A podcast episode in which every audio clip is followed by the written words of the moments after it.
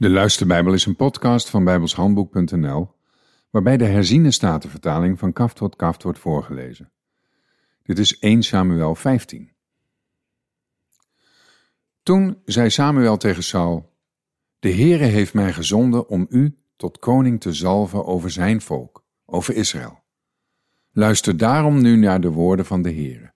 Zo zegt de Heere van de legermachten, ik heb acht geslagen op wat Amalek Israël aangedaan heeft, hoe hij zich tegen hem gekeerd heeft op de weg, toen hij uit Egypte kwam. Ga nu heen en versla Amalek, en sla alles wat hij heeft met de ban.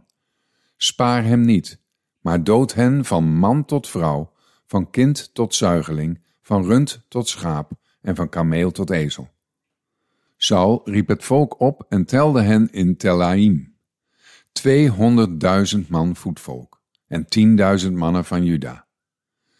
Toen Saul bij de stad van Amalek kwam, legde hij een hindelaag in het dal. En Saul liet tegen de Kenieten zeggen: Ga, ga weg, trek uit het midden van de Amalekieten, opdat ik u niet samen met hen wegvaag.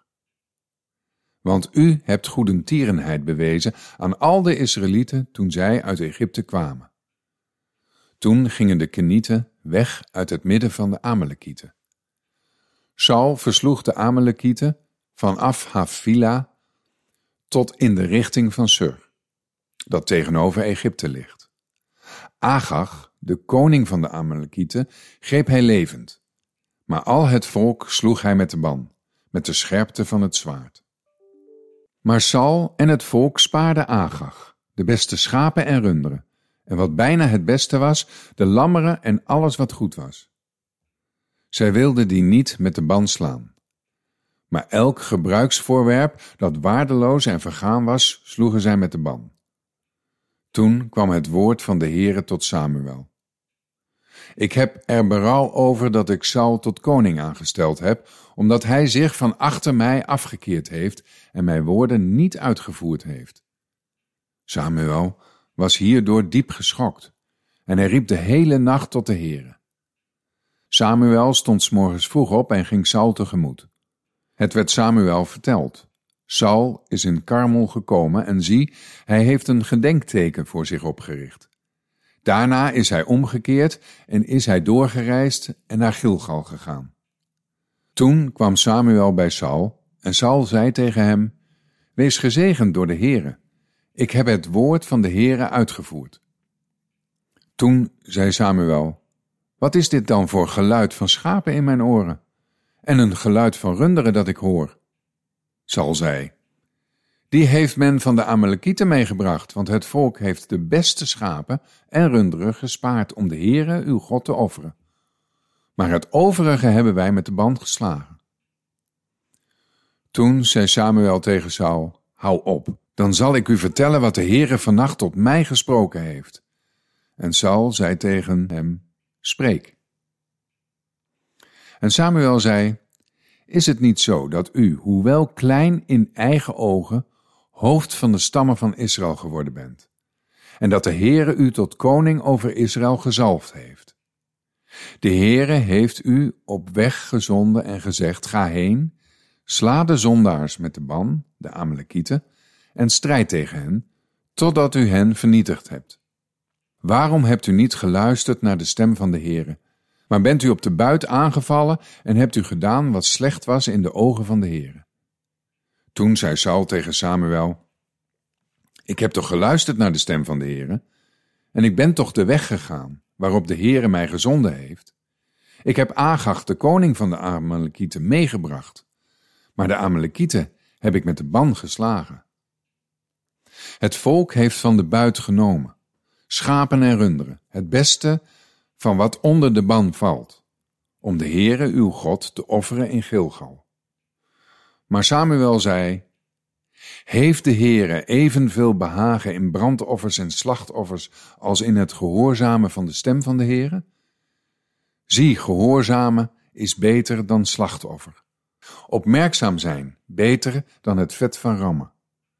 Want omstandigheid is een zonde van waarzeggerij. En tegenstreven is afgoderij en beeldendienst. Omdat u het woord van de Heere verworpen hebt, heeft hij u verworpen, zodat u geen koning meer zult zijn. Toen zei Saul tegen Samuel, ik heb gezondigd, omdat ik het bevel van de Heere en uw woorden overtreden heb. Want ik was bevreesd voor het volk en heb naar hun stem geluisterd. Nu dan, vergeef mij toch mijn zonde en keer met mij terug. Dan zal ik mij voor de Heere neerbuigen. Maar Samuel zei tegen Saul, ik zal niet met u terugkeren. Omdat u het woord van de Heere verworpen hebt, heeft de Heere u verworpen, zodat u geen koning meer over Israël zult zijn. Toen Samuel zich omkeerde om weg te gaan, greep hij een punt van zijn mantel, maar deze scheurde. Toen zei Samuel tegen hem, de Heere heeft vandaag het koningschap van Israël van u afgescheurd en het aan uw naaste gegeven, die beter is dan u. Ook ligt de onvergankelijke van Israël niet, en hij heeft er geen berouw over. Want hij is geen mens, dat hij ergens berouw over hebben zou. Hij zei, ik heb gezondigd, eer mij nu toch voor de oudste van mijn volk en voor Israël Keer met mij terug, zodat ik mij voor de Heere uw God zal neerbuigen. Toen keerde Samuel met Saul terug, en Saul boog zich voor de Heere neer. Toen zei Samuel, breng Agag, de koning van de Amalekieten, bij mij. Agag ging fier naar hem toe, en Agag zei, de bitterheid van de dood is beslist geweken.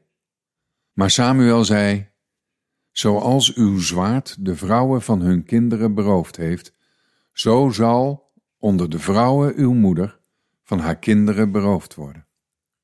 Toen hakte Samuel Agag in stukken, voor het aangezicht van de Heere in Gilgal. Daarna ging Samuel naar Rama, en Saul ging naar zijn huis in Gibea, waar Saul woonde.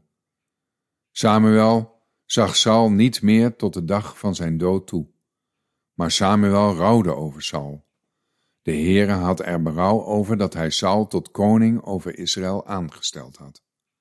Tot zover.